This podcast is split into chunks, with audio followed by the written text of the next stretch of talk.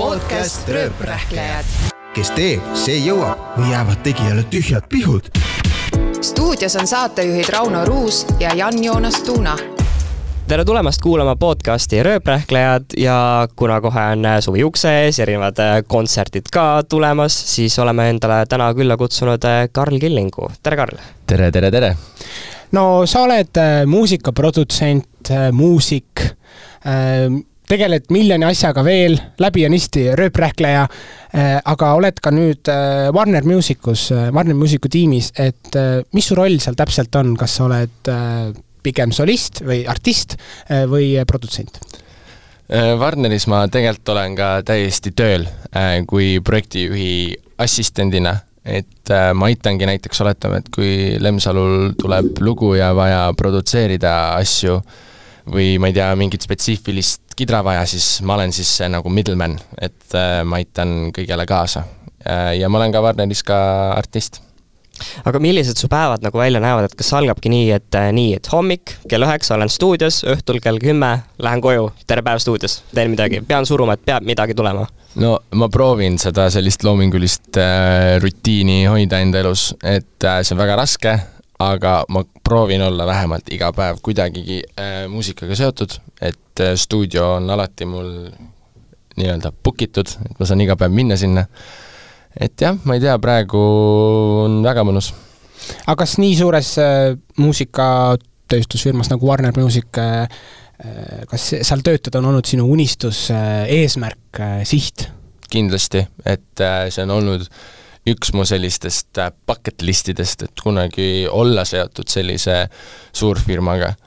et äh, ma mäletan, kui oligi siis kaks tuhat seitseteist ja kaks tuhat üheksateist Eesti Laul, et see oli, ma mäletan, ma rääkisin sellest ka mingis intervjuus, et see on kindlasti üks mu unistus, et olla major'i all, ehk et kas Universal, Sony, Warner, ja õnneks see juhtuski nüüd pärast kahte tuhat kahtekümmend Eesti Laulu, kus minuga võeti ühendust aga kuidas see, kas see erineb ka kuidagi nagu Warner Music äh, kompaniis olla ja siis ise teha, mis sa eelnevalt ju ka tegid, et kas No- no. kuidagi seal on ka juba erinevused?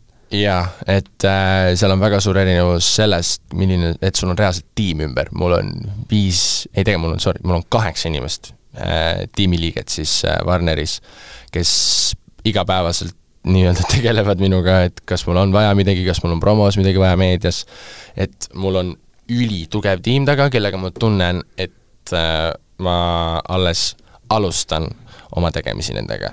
et äh, artistlikus mõttes mul on veel väga palju Eestis teha. aga kas äh, need artistid, kes sul ongi siin, Liis Lemsalu on olnud ja kas nad nagu sööstatakse, sööstatakse sulle ette või sa ise kuidagi, et vot ma tahaks talle just teha? see on äh, nii, see nii oleneb, kuna ma olen, kuna ma olen ka Warneris siis nagu projektijuhi assistent, siis ma tegelengi peamiselt praegu enda produktsioonis siis ainult Warneri artistidega. et seal on Gameboy Tetris, Snap, Liis, Andres Poom, mina, põhimõtteliselt ongi nii, et niisugused äh, äh, kindlad äh, artistid, kellega ma nagu igapäevaselt tegelen, ongi just ka minu firmas ja Kirot ka, lasin just, just produtseerisin Kirotile ühe looga. no äh, sotsiaalmeedias nägime, et Isaac Elliotiga on ka midagi nagu äh, võib-olla tulemas ja koos esinete ka Flexfesti üritusel, mis kohe juunis tulekul on, et äh, mis teil Isaac Elliotiga toimumas on? ja kuidas nii kuul-, kuulus artist nüüd siis sinu käpa all? Mm, no ütleme nii, et äh, pigem ikkagi sõbrad, et see muusika, me oleme juba tegelikult, kui ma olen nüüd Soomes seal stuudiotes käinud, siis me oleme ikka trehvanud ja oleme mingi jaa, et võiks proovida sessiooni teha ja siis ta on alati jäänud selliseks noh, jutuks, on ju, ja siis nüüd, millal ta käis, kolm nädalat või kaks nädalat tagasi, et enne seda ta oli, kirjutas meile siis, et jõu, kuulge, ma tegelikult ka tahan tulla ja proovida ja vaatame, mis siin saab ja siis me lihtsalt katsusimegi põhimõtteliselt vett lihtsalt, et nagu mis siin toimub ja kuidas tal asjad on ja et väga mõnusad paar päeva oli. Aga mis siis toimus, mis siis välja tuli? et äh, võib kunagi midagi koos tulla? jaa, jaa, sada protsenti. sada protsenti. et ma arvan, et äh, see on tegelikult meie loomingu algus alles, et äh, me, aja küsimus, kui midagi tuleb. jah, pigem tegelikult ausalt öeldes jah, et ma arvan, et meil see muusikaline klapp on täiesti olemas. lihtsalt peab leidma selle aja, millal ta saaks ka tulla pikemalt, kuna ta on põhimõtteliselt kõige suurem artist praegu Soomes, siis tal suvel on keikasi rohkem kui päevi, et jah mm.. Aga milline see Isaac, Isaac, ma ei tea, kuidas seda hääldada, milline ta päriselus on? kas ta on see artist, et olen kuulus ja ma olen tegelikult teistsugune või? ta on nii kahe jalaga pa-, maa peal vend, et no ütlengi, hästi intelligentne kutt ja ma arvan, et muusika räägib tema eest, et äh, ongi hästi laia silmaringiga ja ta on nagu huvitav inimene, et on, temaga on tõesti nagu huvitav rääkida asjadest, et ta ei ole lihtsalt nagu praegu modernne maailma artistid on, et jaa, raha ja mul on Gucci ja see on ülilahe, vaata, mis nagu tegelikult üldse nagu loomingulises mõttes tegelikult mitte kedagi ei huvita, vaid ta muusika tegelikult ka on lahe, kõik see, mis tal välja on tulnud just soome keeles nüüd, on minu arust rets. Ja noh, seda on näha, et ta teab, mida ta teeb, ta nagu mõtleb nii äriliselt kui ka kunstiliselt ja seda on lahe vaadata. aga kuidas sul endal soome keelega? ma loodaks, et ma oskaks, eks jumala lahe, aga nagu võib-olla millalgi ma võtan selle isegi käppa, et no äh, räägid eesti keeles, saad aru küll jah, täpselt, mingil moel sa saad ikkagi aru, mis dialoog on. aga muusika tuleb peamiselt soome keeles? Äh, sa mõtled Isakul nüüd? jah, jah, jah, jah, praegu küll, et ta on võtnud selle Soome, Soome skeene ette no muusikamaailmas me teame, et liigub palju erinevaid saladusi võib-olla kindlasti, et äh, kui ta nüüd siin Eestis käis, siis äh, olite seal stuudioseinte vahel, et kas võrdlesite ka kuidagi, et mis toimub Soomes, mis toimub Eestis, mingisugused, vahetasite nii-öelda saladusi? jah, jutud, mis jäävad stuudioseinte vahele. midagi kindlasti jaa äh, aga midagi mitte sellist dramaatilist, et pigem uurisimegi, et kuidas siin artistid, ma ei tea, käituvad ja kuidas seal ja et kas seal on mingeid sarnasusi või et kas keegi on käitunud siin natukene halvemini või mitte ja noh, teate küll, muusikajutt. aga oli teil mingi tähtis konfidentsiaalsusleping, mingi punktid pandi kirja? sellest ei räägi, sellest ei räägi, sellest võib. ma loodan, ma oleks lootnud, et see oleks nii olnud, aga ei ah, see oleks väga lahe olnud. aga miks lootnud, et kas nagu see no, ei ole nagu siis tavapärane praktika ja ei et..., see oleks väga huvitav olnud, see oleks midagi enneolematut, aga ei, ei olnud. no te tundute Isaacuga tegelikult eh, noh, nagu sa mainisid, te olete nagu sarnased, siis te nagu välimuselt ka nagu olete sarnased, et eh, kas äh, oled sa ise tundnud või on keegi sulle öelnud, et kuule, et te olete Isaacuga nagu tegelikult, olete nagu vennad peaaegu? ei ole öelnud, aga ma sain ise aru, et me oleme sarnased siis, kui me pärast stuudiopäevi chill isime, et kui me käisime, ma ei tea, õhtut söömas või lihtsalt elust rääkides, siis me saime, ma sain vähemalt aru, et meil on nagu väga selline kuidas öelda, sarnane arusaam asjadest. et äh, see oli väga lahe, jah see oli nii-öelda sõprus esimesest äh, silmapilgust. jah, täpselt aga muusikatööstusesse me nüüd äh, süveneme ja sa Päevalehes ütlesid eelmisel aastal, et Eestis on artistidel hästi lihtne ära tõusta, et kas sa võib-olla su-, suudaksid välja tuua kellegi, kes võib-olla on silma paistnud niimoodi, et kuule, see, see tüüp on nagu küll ära tõusnud või kas saab nagu niimoodi üldse? no nimesid ma mai-, ma ei maini, aga jaa, kindlasti. Eesti kontekstis on päris ja. keeruline see vist. jah, sest Konnatiik siiski siin ja ütlengi, kui ühe, üks inimene räägib midagi, siis juba kõik teised saavad ka teada sellest, et aga on need pigem aga või, võib-olla see inimese profiil nagu siis paika panna, et ja. milline ta on et kuidas ta käitub või? jah, kuidas ja ta käitub, milline ta on? Äh, no ongi see, et no lähed kellegi juurde ja esimest korda ütled tere, siis nad ei, nad on mingi, sa juba tead, kes ma olen, noh, see vibe. et ma ei ütle sulle oma nime, sa tead seda. no põhimõtteliselt, mul on, mul on üks kindel äh, kogemus tegelikult olnud ühel Eesti Laulu äftekal see, ja pärast seda ma tegin endale lubaduse, et ma ei tee mitte kunagi nii et äh, see ei olnud isegi üks artist, vaid see oli ühe laulu produtsent, kes tuli mu juurde Äh, mis oli minu jaoks veel nagu rohkem üllatavam. ja ta ei öelnud mulle enda nime, vaid ta oli, ütles mitmenda koha ta sai siin finaalis. mis oli nagu, ma olin lihtsalt, vaatasin talle otseses mõttes silma, olin nagu olgu, selge aga kas need äratõusnud on pigem äh, uustulnukad või just need, kes on äh, oma aja siin Eestis juba äh, nagu teinud? kui lihtne see on ära tõusta, kui no, kiirelt see käib?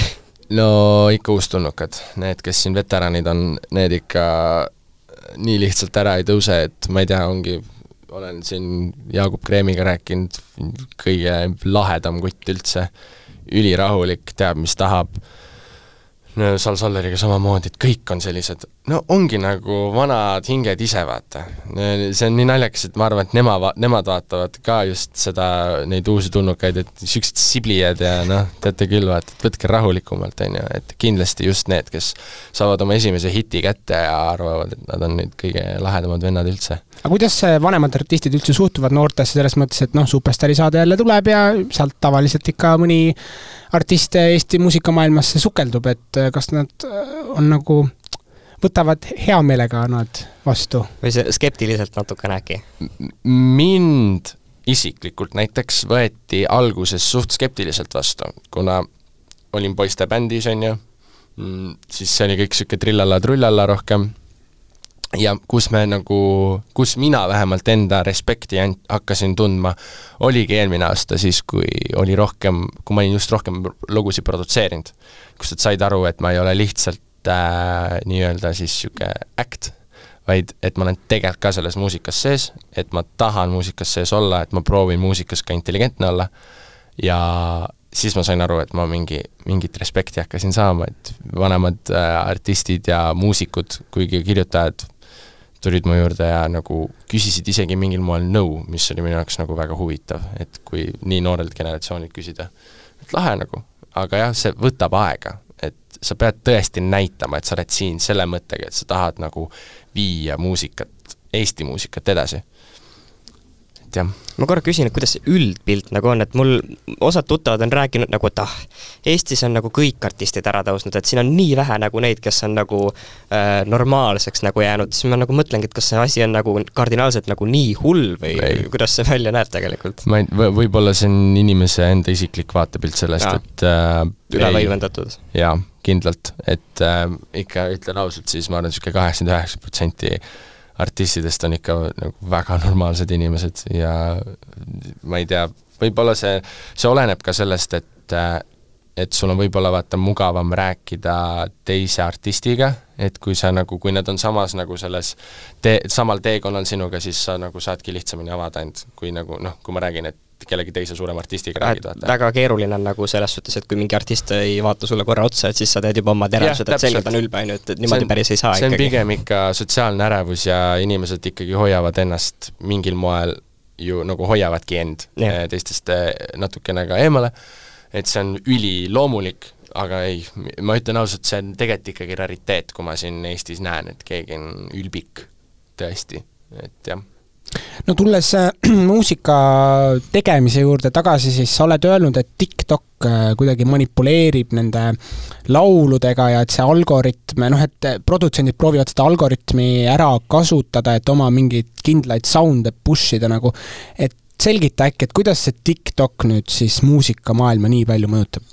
no mul on endal üks isiklik näide, äh, kus üks lugu või üks remix Äh, läks äh, siis viraalseks äh, Eestis, ma tegin Nexus hingetunas, tegin ühe siis sellise UK trilli remixi, millel on TikTokis vist peaaegu viissada videot, ja ma mäletan, kuidas ma ei mäleta, kellel see lugu tuli, ma ei mäleta, kas oli Elina, Elina Born või keegi sellest, me panime samal päeval ma panin selle SoundCloudi remixi ja ta pani YouTube'i enda loo ja mul, ma tekitasin kolme päevaga rohkem äh, SoundCloudi striime, kui ta YouTube'is vaatamisi tegi. ja siis ma sain see hetk aru, et issand, mis asi see TikTok on tegelikult. et kui, kui lollilt sa saad mingi asja nagu suureks teha ja kui lihtsalt see tegelikult võib juhtuda, aga samas see on nagu rariteet, et see juhtub. ja eriti Eestis, kuna Eestis ei ole veel meil õieti kontorit, Äh, mis siis seda nagu algoritmi veel rohkem kuidagi nagu ägendaks, et kui me oleks rohkem Kesk-Euroopas, siis äh, ka Eestist tulnud ingliskeelne muusika jõuaks kaugemale. aga kuidas seal Kesk-Euroopas siis see miks, miks seal just paremini läheb või kuidas see seal siis Sest teistmoodi ta on, ta on nagu, ta on terve seal sul on auditooriumi rohkem? ta on alg-, nagu algoritmi keskel ah. nagu, mis Euroopas toimub. ja noh, oletamegi, kui sa oleksid USA-s või Torontos või kuskil seal, siis see, see töötab veel täiesti teistmoodi. et äh, Eesti on jah, ta on, me, me oleme nii väike riik, et äh, me jõuame kõikide nende asjadega natukene hiljem kaasa ka, et Soome on väga hea selline riik, kellele üles vaadata. Aga nüüd siin on ju räägitud ka, et äh, TikTok on ju noh, Hiina äpp ja et seal jälgitakse, kogutakse andmeid ja riigitöötajad äh, oma telefonis seda hoida ei saa, et äh, kuidas siis, mis siis saab, kui Eestis TikTok keelustatakse või noh, kuidagi see kaob? kui suur see, kaotus see jah, on meile? kui suur kaotus see muusikatööstusel on? see aasta ma tunnen, et oleks väga suur, et ikka niisugune peaaegu pool kaoks ära kindlasti. et niisugune kolmkümmend, nelikümmend protsenti turundusest lihtsalt äh, haihtuks äh,. Mis on tegelikult äh, päris jube, kui mõelda, et kuhu me jõudnud oleme et äh, meil on nii vaja, palju sõltume nagu sellest. et äh, meil on vaja teha neid seitsme-kaheksa sekundilisi videoid ja äh, panna sinna screen'i peale, et ära veel scroll'i alla, vaata, mis meil lugu välja tuleb, noh mingid niisugused asjad, vaata, et sa mõtled, et issand, et sa pead inimesele nagu reaalselt ette söötma seda, on ju. Samas ma saan aru, see on trend ja see töötab ja see töötab ülemaailmselt. ja aga see on tegelikult ka natukene, kui sa mõtled selle peale, siis see on päris jube. palju sa ise TikTok'i kasutad äh kas sa teed oma tööasjad ära ja siis rohkem ei vaata või? ei ikka, ma, ma ikka jääd kinni ikka ka? ikka jaa, loomulikult, mul on praegu mingi trend tekkinud TikTokis, kus ma hakkan nagu täispikki filme vaatama.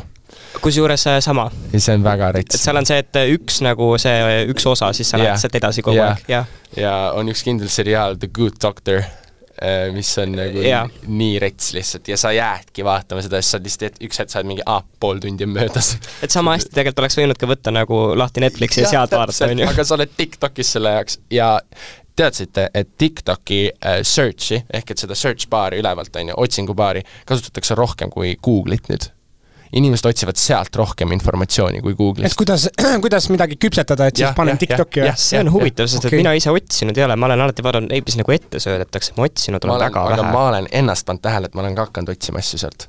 nagu Uus oletame, jaa, aga see ongi, see on, see, ma just vaatasin mingit analüütilist äh, videot sellest ja ongi, ma olen ka isiklikult ise näinud seda, et ma olen mingi, otsin mingit bassi sound'i näiteks produs, vaata, produtseerimises ja ma olengi, et kuidas ma teen seda ja ma panen selle TikToki search'i, sest ma tean, et inimesed on teinud tutorial'e neist.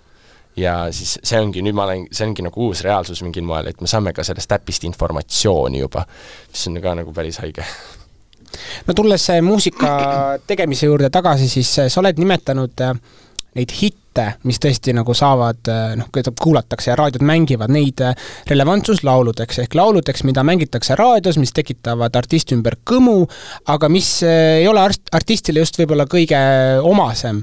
et kui palju sa oma selles produtseerimise töös puutud kokku selliste eetiliste konfliktidega, et vot ma tean, et need komponendid võivad teha selle loo hitiks, aga tegelikult artist ütleb, et mina ei taha neid no see ongi täiesti maitse küsimus, et äh, võingi lihtsalt äh, mingi näite tuua, mida tegelikult ei ole juhtunud, aga oletame, et Jüri Pootsman tuleb mu juurde, ütleb, et tahab diskolugu teha. Ja siis ma tean, e, noh, enda maitse järgi ma tean, mis töötaks, mis teeks sellest loost nii-öelda selle mingi hiti soundi või mis iganes, on ju, aga näiteks Jürile ei meeldi see, siis ma aktsepteeringi seda, et saab ka teistmoodi teha hitte, sest meil ei ole sellist asja nagu hitivalem. sellist, sellist valemat pole olemas, me ei tea kunagi, mis lugu läheb suureks, mis, mis jääb vaikseks. et äh, see niisugune nagu, kuidas öelda, eetiliselt vist otseselt nagu ette ei tule, see, see ongi pigem selline, kui, kui sa oled hea produtsent, mis mulle öeldi vähemalt, esimene asi, sa pead oma ego jätma ukse taha. sa ei saa minna sinna ruumi niimoodi, et sa hakkad enda arvamust peale lükkama, sellepärast et artist on kuningas. ja sa pead tema järgi tegema asju. Et äh, minu arust selle kaudu tulevadki tavaliselt need hitid, kus sa tunned, et see ongi niisugune loominguline, see on lihtsalt, et sa saad kokku ja sa teed loomingut, see ei ole mingi ma tahan seda teha ja sa ei taha teha seda ja siis me läheme ülitülli, nagu see ei, see looming ei saagi nii käia, see peab lihtne olema. Et aga, see ongi koostöö ikkagi. aga kas sa oskad kuidagi niimoodi võrrelda, et noh, sa oled ise ka ju äh, kirjutanud lau-, laulu ja la-, kirjutanud laule ja seda laulnud ka, näiteks Eesti Laul Kiss Me, on ju. Äh,, aga kui nüüd keegi teine teeb laulu äh, sulle näiteks mm, -hmm. äh, kuidas see võrdlus on? kas kui on... keegi teine teeb mulle ja. laulu või? no ütleb, et davai, hakka laulma niimoodi mul ei olegi sest pa-, paljud on öelnud, paljud artistid on öelnud, et ma ei taha enam olla, ma tahan ise loomingus sees olla, et ma ei taha olla see, kes lihtsalt laulab võib-olla see ongi mu üks suurimaid privileege, et ma ei ole kunagi olnud sellises olukorras, et kus mulle tehakse täiesti algusest lõpuni mingi laul. et produtseeritakse mulle laule küll, aga ma olen alati kas äh, sõnaliselt või meloodiliselt selles sees, et ma ei ole ühtegi, ühtegi lugu välja andnud niimoodi, kus ma ei oleks ise selles nagu sees olnud. et äh, aga sul ei ole mingi artist öelnud, et kuule, ei, seda ma ei taha? Ei, loomulikult on, sada protsenti, seda, seda, seda juhtub väga palju. et äh, ütleme ausalt, siis oletame, et ma teen, ma arvan, aastas keskmiselt niisugune kakssada ideed Ossa. ja nendest välja tulevad kümme protsenti, kakskümmend, kakskümmend viis, et äh, see ongi, see, seda ei-d on väga palju muusikas ja see on üliokei okay,, sellepärast et läbi selle sa tegelikult ka õpid. ja ma olen hästi sellega, see, seda usku, et sa pead midagi tegema vähemalt kümme tuhat tundi et äh, jõuda sinna, et sa saad öelda, et sa oled ka reaalselt hea selles. et niimoodi see, need tunnid tulevadki, et alati ei saagi hästi minna. aga räägime rahast ka et kui, kui hästi muusika produtseerimine ikkagi sisse toob, et kas sellega elab äh, hästi ära või elab äh, väga hästi ära? no tegelikult see olenebki, kui relevantne produtsent sa oled mingil hetkel. et eelmine aasta võin ausalt öelda, et läks väga hästi, et äh, meil oli niisugune nii-öelda hiilgeaeg äh, mis siis, mis siis? no mitu mis tähendab hästi? No ikka mingi mitukümmend lugu tuli välja, on ju, et äh, selle pealt me saame ka, me saame iga produktsiooni pealt saame raha, et no ma ei tea, kas ma teen Keviniga või kellegiga või teen üksi, noh, need rahad nagu veits ka olenevad, on ju.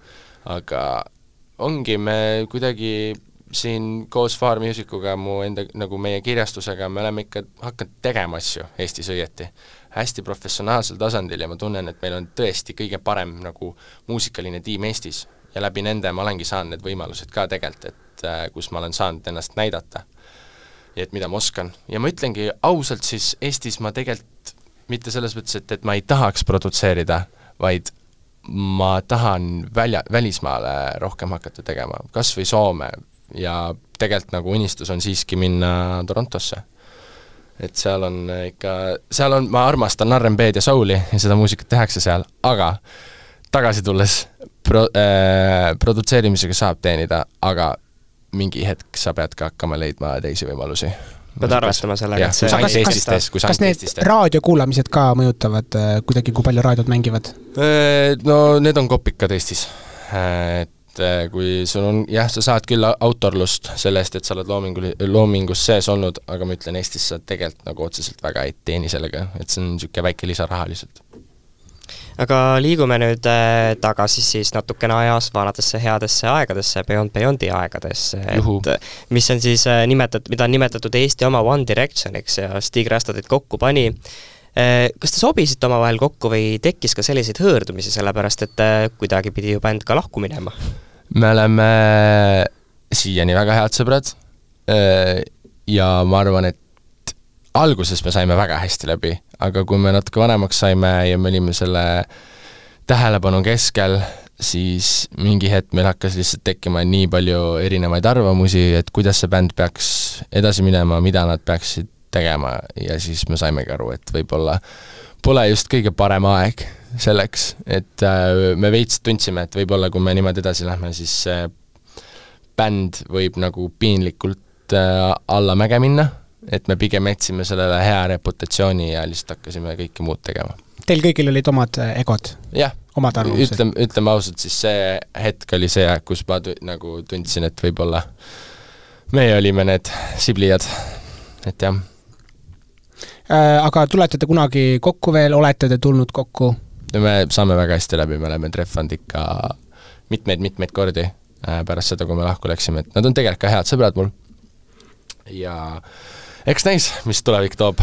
tuleb APA plaat viiskümmend, viiskümmend aastat hiljem.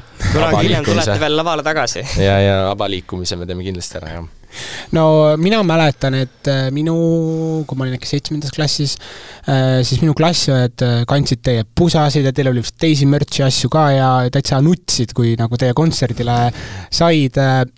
mis tunne siis sul endal oli selle tohutute tüdrukute masside keskel olla? ja olles ise viisteist, kuusteist või kuskil sealkandis? okei okay oli selles mõttes, et ma arvan, et mul ei olnud mingit sellist traumeerivat kogemust see aeg, et kõik oli väga tore, paar võib-olla niisugust võib-olla liiga superfänni oli meil, mis oli jumala okei okay. kuidas nad siis super olid? no ikka otsisid informatsiooni ja veits jälitasid ja mi-, ma mingi aeg ikka kuskil kesklinnas Viru keskuses ja Solarises oli ikka päris jõhker käia, et see oli tegelikult ka nagu mingil moel see oli ikka väga ahistav, aga see oli ka nagu okei okay,, sest Nad tulid oli... siis ikkagi ligi kohe? ja, ja, ja, ja kohe pildid ja markerid ja kõik asjad, et see oli nagu, see oli lahe, aga samas mingi hetk see oli nagu kuidas öelda, sotsiaalselt üliväsitav. et ühe, ühed ja samad näod kogu aeg tulevad ja? kusjuures nagu jah, mingil moel jah, et nad teadsid nagu ma ei saanud aru, kas neil tekkis mingi rutiin, kus nad teadsid, et kus me kuskil käime või mis iganes, on ju. aga jah, et see oli nagu niisugune lahe, nagu tegelikult oli väga lahe aeg aga jah, teg-, muidu üleüldiselt see nagu, kuidas öelda, see fännlus oli meil väga tore, sest meil oli tegelikult ka väga hea fännibaas.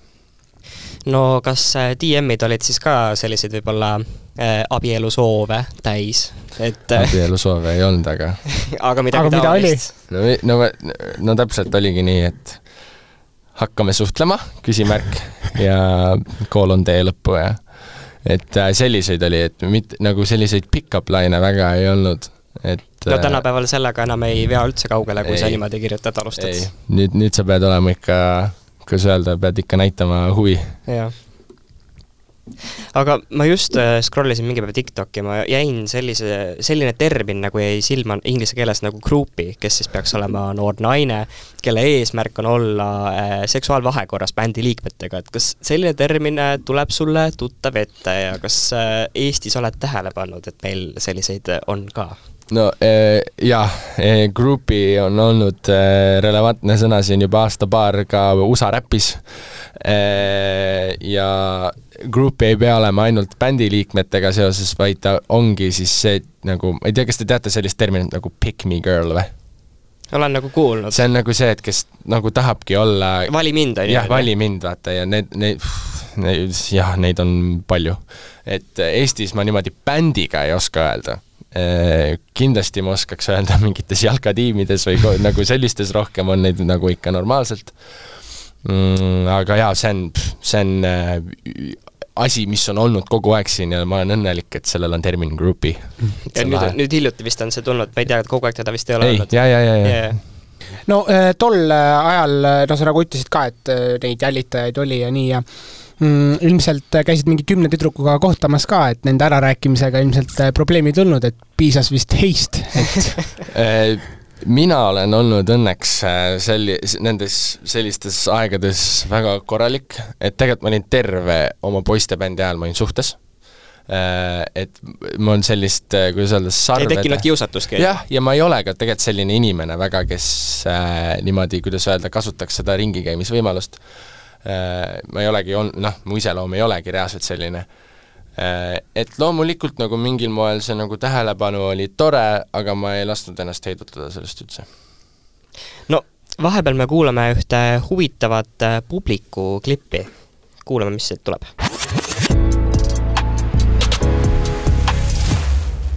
aga te olete ju väga noored, kuidas te niimoodi jõuate siis kooli kõrvalt äh, singleid välja anda, siin üritustel käia, esineda, kas kool ei jää niimoodi unarusse? no peab lihtsalt väga palju vaeva nägema ja peab ennast kokku võtma kindlasti. ma arvan, et no praegu nüüd suvi oli, suvi oli lõbus, aga nüüd tuleb jälle kuidagi koolivaimu ennast saada ja ma arvan, et meil ei ole kellelgi probleemi sellega.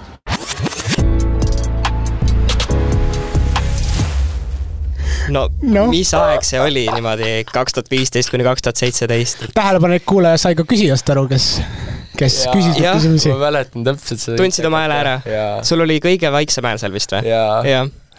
oi jummel. nüüd on nagu asi muutunud, et nüüd enam nii napisõnaline ei ole.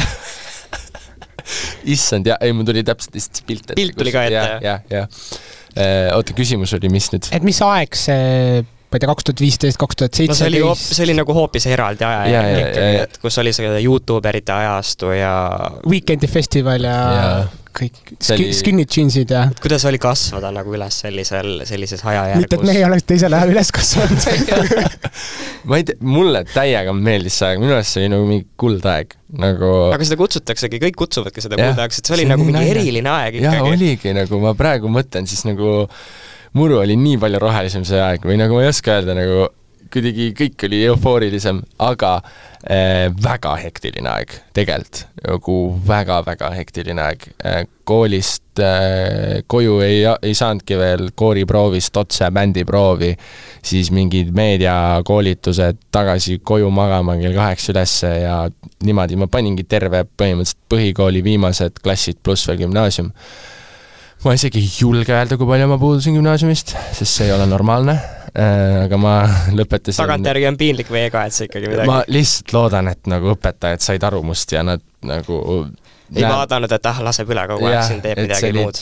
tegelikult oligi, ma tegelesingi reaalselt kirega kogu aeg, on ju et äh, jah, see kaks tuhat viisteist, kaks tuhat seitseteist, oi, Weekend'i, nagu ma ei olnud veel täisealine ka ja kõik oli nii palju huvitavam ja lahe aeg oli, jah. aga kuidas sa selles, selle, selle, selles ajas äh, suureks kasvasid või kuidas see aeg sinu jaoks läbi sai, et meenub sul mõni lugu, noh, nagu selles mõttes mingi lugu enda elust, kus sa said aru, et okei okay,, et nüüd ma olen nagu suureks saanud ja kuidagi see on nagu minevik ma ei tea, võib-olla nüüd aasta-paariga ma olen nagu lihtsalt ise rahulikumaks jäänud.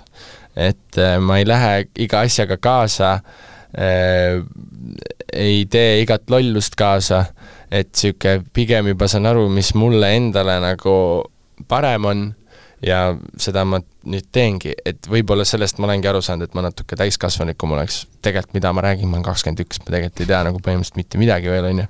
lapsed veel kõik. jah, reaalselt kõik oleme lapsed veel ja äh, aga jah, see minu arust ütlen ausalt, kaheksateist, üheksateist aastat, need ma mäletan, kuidas me kaheksateist saime, mingi jõe nüüd hakkab pihta, on ju? nüüd hakkab pihta, vaata, nüüd on üli, kõik läheb üli mingi raskeks ja mingi noh, ma olen täiskasvanud, ma olen mees, on ju. jep, täiega nagu. ja aga ma, kui ma kaheksateist sain, siis ma tegin kohe enda esimese tätoveeringu samal päeval ja nii siis see oli esimene siis või? jah, jah. ja paljuks neid, palju neid nüüd on juba kokku? mingi kakskümmend peaaegu jah, et mul käsi on nüüd täis aga jah, mu emps ütles, et enne ei tee, kui kaheksateist saad ja siis, kui nägi esimest, oli nagu oh, päris lahe et jah, siis ma tundsin, et ma olen täiskasvanuga no viimane küsimus sellest Beyond Beyondi ajast veel, et äh, ma lasin äh, seda teie kõige kuulsamat laulu, see So Alive mm, -hmm. oma neljateistaastasele õele ja küsisin, kas ta teab seda lugu mm. -hmm. siis ta ütles, et aa ei, lugu on kuulnud ma küsisin, kas ta Beyond Beyondi teab ta ütles, et pff, ei, et ikkagi siin kuue aastaga umbes on, on uus generatsioon yeah, peale, peale tulnud, et et on sul kahju ka, et selle bändiga läks nagu läks ja nüüd nad on kuskil arhiivis, need meil on fännid ja lood. aga meie generatsioon teab no meie seda. teame, jah. minu arust see ongi just lahe, et ma nagu olen näinud ka, või no kuidas öelda, et me oleme üleskoos kasvanud, on ju. meil on Villemiga üks niisugune peosari, Frat, mida me T3-s teeme ja Villem paneb meelega kogu aeg selle laulu käima seal äh, ja kuna see ongi nagu meie vanusegrupi jaoks põhimõtteliselt tehtud pidu, on ju, siis kõik nii räigelt hakkavad laulma ka, nagu kaasa laulma seda. Ja seda on nii naljakas vaadata, et ongi kahekümneaastased laulavad nüüd, kui see oli enne mingi kolm aga see ongi lapsepõlve lugu selles mõttes. jaa, jumala lahe, vaata, et ongi nagu, meil, meil ongi see, see pidu ongi nagu nostalg-, nostalgia peale ehitatud. Ja jah, see on lahe lihtsalt, et ongi, et me kasvame kõik koos üles kuidagi sa oled öelnud, et äh, su esimene suudlus oli klassiõega ja noh, et Eesti Laulus olid ka sellise looga nagu Kiss me, on ju, väga, väga otsekohene äh, pealkiri.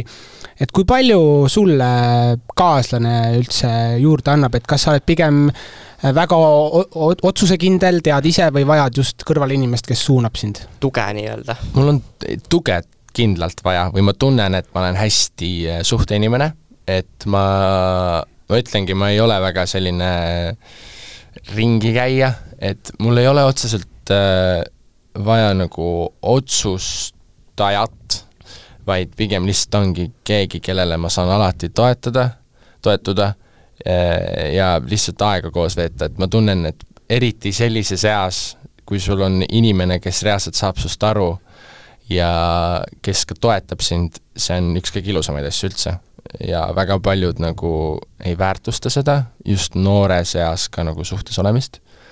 et meil on see trend tekkinud, et no aga kõik no, noored ka ei oska vaata suhtes olla, et see on täpselt. teine asi juba. aga minu arust ma tunnen, kuidas meil meedias hästi palju rõhutatakse seda, et aa, et sa oled noor, hot boy summer, hot girl summer, vaata noh, kõik see, ma ei, ma üldse kuidagi ei seostu sellega.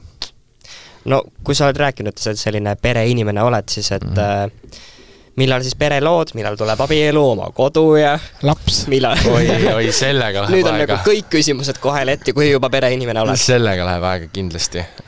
ma ei, ma ei, ausalt ütlen, et järgmise viie-kuue aasta jooksul seda kindlasti ei juhtu veel.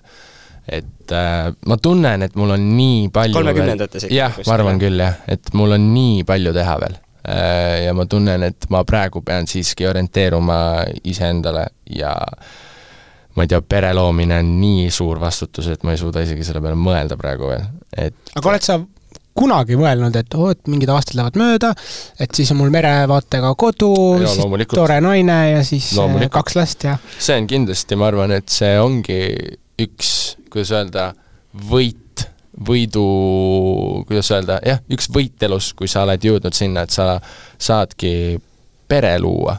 et sa saadki kuskil kuidas öelda, mitte nagu pensionile minna, aga nagu, et sa nagu settelidki maha kellegiga ja et ongi see aeg, kus sa nüüd saadki orienteeruda kõigile, kõigele muule peale karjääri, et ma olen hästi seda usku, et ma praegu isiklikult järgmised kümme aastat vähemalt ma panen hambad ristis. Äh, ma proovin kõike teha selle nimel, et mul karjääriga läheks hästi. ma tahan teha midagi väga suurt maailmas eks näis, kuidas sellega läheb. Ja siis võtta rahulikult pere merevaatega Viimsisse maja. No ikkagi kõik on välja planeeritud ja, ikkagi, kuhu tuleb ja aga kunagi sa mainisid ühes teises podcastis, et äh, kutid nagu ei kipu üldse jagama enda probleeme ja tõenäoliselt on selline üheksakümmend viis protsenti meestel see, et ei nagu ei ava ennast ja psühholoogi juures ei käi kas sul on endal mingisuguseid selliseid muresid ette tulnud ja kuidas sa nagu ise oled lahendada neid püüdnud, et kas sa kuulud selle nagu viie protsendi sisse, kes ikkagi nagu lahendab neid muresid? jaa, no ma olen äh, ikka pidev äh, käija või noh, külastaja siis äh, psühholoogide juures ja tera-, käinud, jah, patsient jah. Mm, -hmm. et äh, ma tunnen, et see annab minu isiksusele nii palju rohkem juurde, et ma oskan ennast väljendada, ma julgen ennast väljendada, ma julgen tunda emotsioone, mida väga paljud kutid üldse ei oska. Ja seda on ka näha mu sõprade, nagu parimate sõprade juures, et lihtsalt nagu kuidagi see osa on jäänud neil puudu ja kriitilistes olukordades see on nagu halb, sest ongi, nad ei, nad ei oska mingites kriisiolukordades üldse käituda. ja ma ei tea, ongi, kui peabki natuke rohkem emotsionaalne olema või välja laskma neid emotsioone endast, siis nad ei oska teha seda, sest nad ei ole õppinud seda ja nad ei, nagu poistele ei õpetatagi seda. ja mina koolis tundsin seda ka, ma käisin VHK-s, meid oli kolmkümmend kutti oli klassis põhikoolis, ehk et meil ei olnud tüdrukuid. ja vot seal on juba siis sa tunned seal, et sa ei saa väga ennast avada emotsionaalselt, sest kõik teised kutid arvavad, et sa oled nõrk kohe. see nõrg, nagu ongi, see oleks nagu nõrkus. ja ma proovin, ma olen nii palju enda sõpradele seda nagu sisestanud, et see on nagu üliokei okay ja peabki olema emotsionaalsem ja see, niimoodi sa tegelikult saad ka meheks. niimoodi sa nagu õpidki kontrollima enda emotsioone. et jah, see on asi, mis mind puudutab palju. kas sa tahad avaldada, mis mured sul äh, on olnud, kas need on pigem karjäärimõtted või, või...? Need on, mul on ärevushood, äh, mul on sundmõtted, äh, mul on ADHD, mitte lihtsalt see, et ma olen TikTokist lugenud, et mul ADHD on, vaid mul tegelikult ka on nagu ATH ja siis mul on, ma ütlengi, mul on ikka väga tugevad ärevushood olnud, äh, kui ma olin mingi kolmteist, neliteist, siis hakkasidki need pihta, äh, siiani need löövad vahepeal välja, ka kindlasti olen mingil moel depressiivne olnud, aga see ongi õpetanud mind olema, nagu ma praegu olen, et ma tunnen, et ma enda emotsioonide mõttes olen intelligentne, et ma tean, kuidas, kuidas käituda, kui kriisiolukord tekib et jah, mul kindlasti on äh, palju probleeme, aga ma olen suutnud nendega, kuidas öelda, kaasas käia. no liigume korra siit, vahetame hoopis täiesti teistsugust teemat. Äh, meil on praegu poliitika siin Eestis päris äh, Juhu. tuline. kui palju sa ise jälgid poliitikat, Riigikogus toimuvat, uut valitsust? Ma nagu ma vaatasin seda siis, kui meil need valimised toimusid ja ma ütlen ausalt teile, pärast seda ma ei ole viitsinud vaadata mitte midagi enam, jah? nagu ma näen Delfis vist toimub nagu nagu mul tulevad need notification'id kogu aeg, vaata. ja ma lihtsalt ei jaksa vaadata, sest natukene lasteaed, nii palju, kui ma olen aru saanud. no TikTokis ka scroll'id, siis viskab ka ikka mingisugused no, videod ette. reaalselt, no üks kindel see, kus ei, saad aru, ma, mulle, see mahtub mulle pähe, kuidas Martin Helme lihtsalt vastu äh, lauda yeah. hakkas yeah. ma mõtlesin, kas see on tegelikult ka meil riigis toimub selline asi või? ja no ma ütlengi, mul, mul tekib stress, kui ma vaatan neid asju. Et see ei pigem... tundu nagu reaalne? jah, tegelikult ka minu arust see on nagu mingi mängufilm või ma ei tea, meil tehakse Kirgede torm Eestis või nagu mis vibe see on. vaprad, ilusad no,. reaalselt nagu ja sellepärast ma ei, ma ei, ma ei jälgigi väga seda, et ma nagu mingil moel kindlasti tean midagi, kui mingid suuremad sündmused on, on ju, seda sõda ma jälgisin lihtsalt ulmeliselt palju alguses aga jah, praegu seda Eesti poliitikat ma ei jääks välja. aga kas, kas sul on ka nagu sõbrad-tuttavad, kes äh, ütlevad sama, et ei, ei jaksagi sellega nagu ja. sammu pidada, et ja. Äh, see on väga paljud, kes meil on tegelikult ka selles nagu sees või nagu peavadki seda jälgima, need ütlesid, mõned vist ütlevadki, et see, see ei ole reaalne tegelikult, mis toimub nagu. et äh, need ka ei jaksa, lasteaed. no siis me saamegi üldistada, et äh, noored ei jaksa seda jama vaadata, et äh, aitab küll jaa, aga ma korra küsin ikkagi konkreetselt, et mm. mis sa arvad äh, äh, maksutõusust ja abieluvõrdsusest?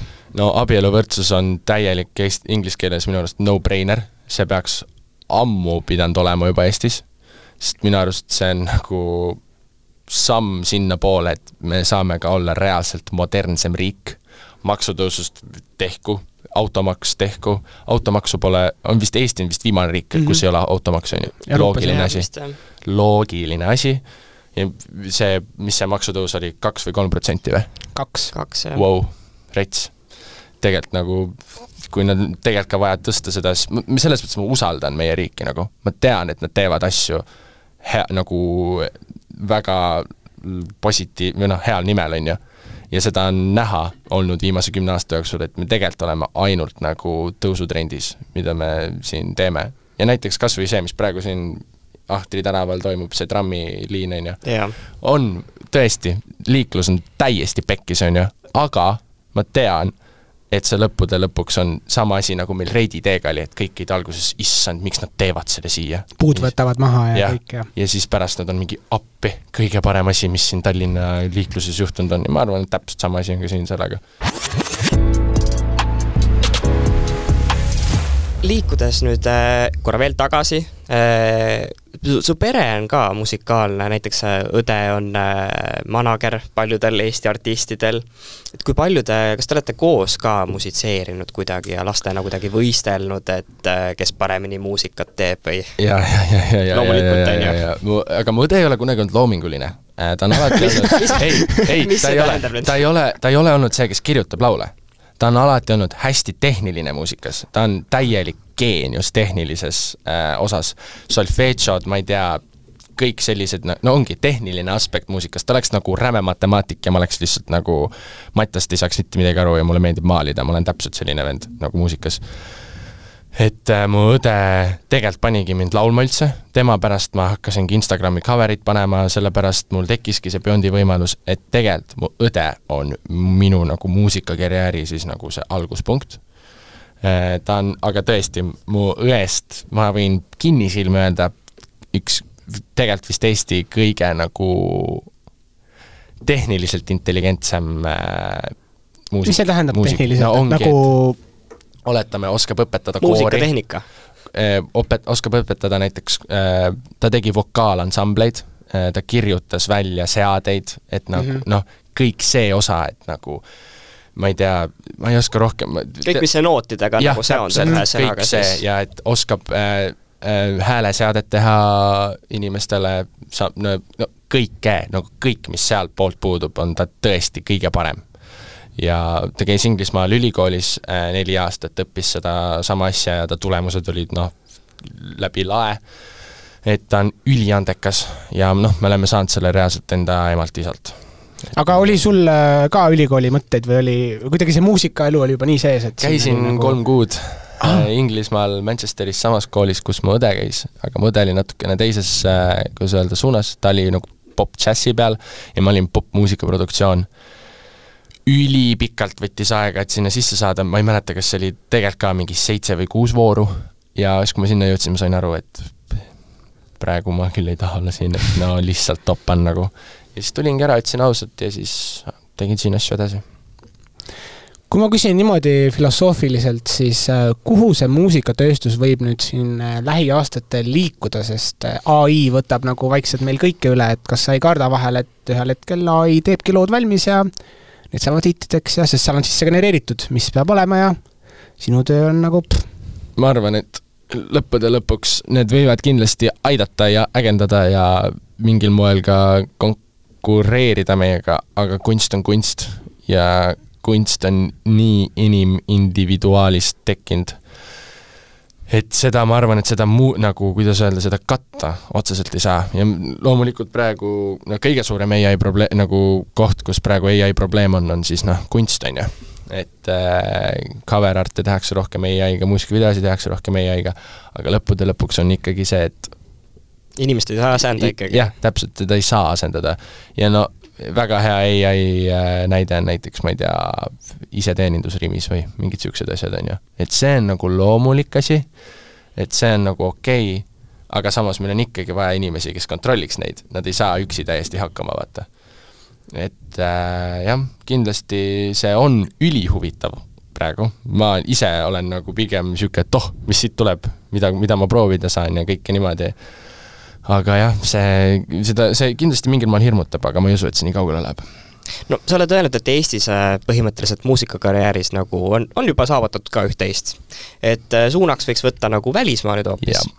aga kas äh, välismaal, eriti kui me mõtleme nüüd muusika ja meelelahutusmaailm, kas see pole mitte nii, et parem on olla nagu äh, nii-öelda suur konn väikeses tiigis, kui nagu siis väike konn suures tiigis? no nii tegelikult äh, ainult vist välismaale äh, saabki pürgida, kui sa oled tekitanud, kui sa oled, oletame, et sa oledki välismaalt, et oletame, et sa tahad USA-sse minna, on ju, siis sellest riigist, kust sa tuled, sa pead mingil moel mingi tegija olema. et inimesed võtaksid sind seal ka tõsiselt, et sa ei saa lihtsalt minna sinna, et jaa, et ma olen äh, Eestist pärit produtsent ja ma tahan USA-sse minna ja teha ülihaigeid sessioone haigete inimestega, sa pead näitama enne, et sa oled siin teinud nagu lahedaid asju. jah, täpselt, ja sellepärast ma võib-olla veel ei olegi, kuidas öelda, teinud seda äh, leap of faith'i, et äh, ma tunnen, mul on siin teha veel aastake-paar äh, mingeid asju ja siis ma vaatan, kuhu ma proovin vallutama minna.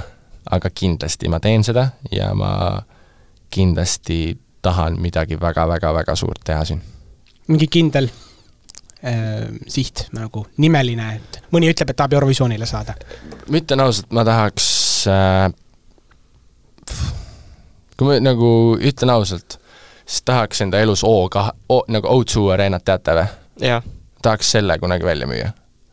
ja mul on väiksest saati olnud selline unistus, et ma tahan kunagi tervel areenil esineda ja ma olen nii tulihingeliselt selles sees, et ma tegelikult ka teen kõik selle nimel, et sinna jõuda. et eks näis. see on selline motivatsioonilaks kõigile, kes kuulavad, et nagu ajage oma asja ja uskuge. me oleme sellises ajastus, kus äh, unistused on vahepeal ka reaalsus, et unistada, unistama peab. aga küsikski lõpetuseks, äh, et sinu karjääris oli esimene inimene, kes sinu nii-öelda avastas, Jaanus Saks ja siis äh, Stig Rästa me juba mainisime, et et äh, mis on parim nõuanne, mis sa oled äh, neilt või kellelgi teiselt saanud äh, oma elu kohta või karjääri kohta? ma arvan, et Stig ütles ülihästi, üks esimesi kokkusaamisi temaga oligi, et osake öelda ei asjadele. Te ei saa öelda kõigele jaa, sest niimoodi sa valedki ennast tühjaks asjast, et jah, tee mingeid asju, aga väärtusta iseennast ja ütle asjadele ei, siis inimesed hakkavad sind ka rohkem väärtustama. ja see on siiani väga hästi töötanud. aga suur aitäh, Karl, et äh, sa meile külla tulid ja rääkisid! suur aitäh, et kutsusite! ja meie podcast on endiselt kuulatav Delfi taskus, Spotify's ja Apple podcastis. kindlasti jälgige ka rööprähklejate TikTok'i. podcast Rööprähklejad. rööprähklejad